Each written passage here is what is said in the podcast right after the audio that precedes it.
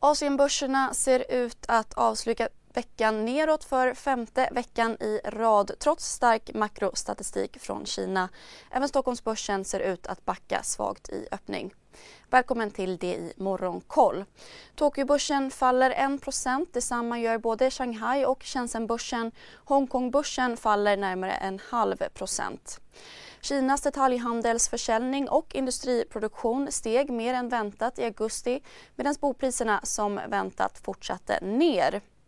Den kinesiska valutan fortsätter försvagas mot dollarn trots myndigheters försök att stärka valutan. En yuan kostar nu drygt 7 dollar vilket är svagaste nivån sedan 2020. Bland enskilda bolag faller kinesiska sökmotorjätten Baidu och e-handelsjätten Alibaba mellan 2,5 till 3% Shippingbolaget Kawasaki tappar 4,5% i Tokyo. Idag ska Kinas president ha sitt första möte med Irans president i samband med toppmötet för den asiatiska säkerhetspolitiska organisationen SCO där bland annat Ryssland och Belarus ingår. Iran har ansökt om medlemskap i organisationen. Och USA ger ännu ett miljardstödpaket till Ukraina med militärt stöd för 6,5 miljarder kronor. På Wall Street stängde S&P 500 och Nasdaq ner drygt en respektive närmare 1,5 procent. På räntemarknaden syns en allt mer inverterad räntekurva vilket historiskt sett pekar på en recession. Den amerikanska tvåårsräntan stiger några punkter till nära 3,9 medan tioåringen backar något till runt 3,45. Oljepriset föll tillbaka på oro om minskad efterfrågan. Ett fat bränt kostar cirka 91 dollar. Bland bol-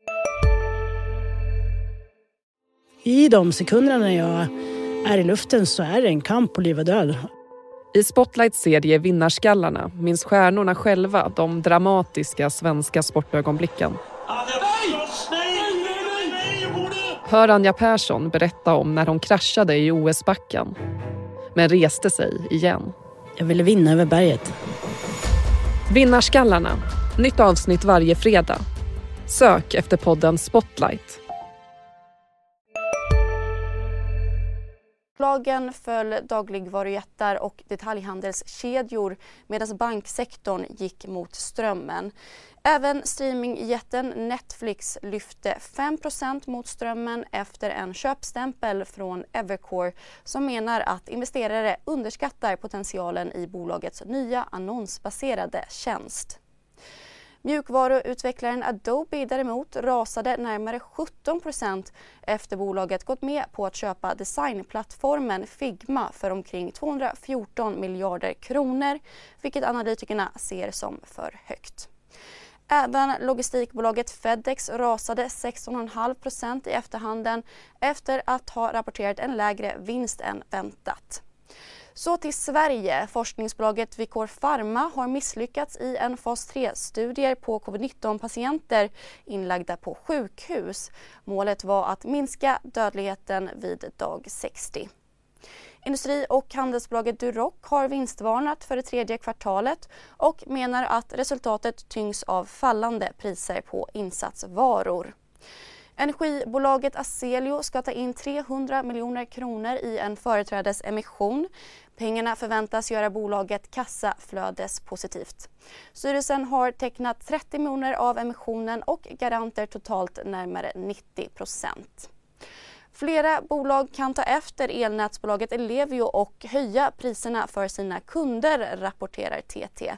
Prishöjningarna ska bero på dyrare avgifter till Svenska kraftnät som meddelat att de sänkt avgiften så mycket det går. På agendan idag redovisas brittisk industriproduktion och definitiva siffror på inflationstakten i eurozonen.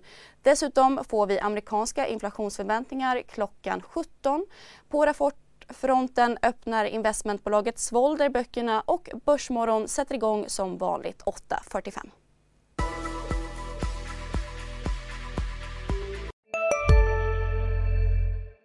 CSRD, ännu en förkortning som väcker känslor hos företagare. Men lugn, våra rådgivare här på PWC har koll på det som din verksamhet berörs av. Från hållbarhetslösningar och nya regelverk till affärsutveckling och ansvarsfulla AI-strategier. Välkommen till PWC. Hej, Synoptik här. Så här års är det extra viktigt att du skyddar dina ögon mot solens skadliga strålar. Därför får du just nu 50% på ett par solglasögon i din styrka när du köper glasögon hos oss på Synoptik. Boka tid och läs mer på synoptik.se. Välkommen!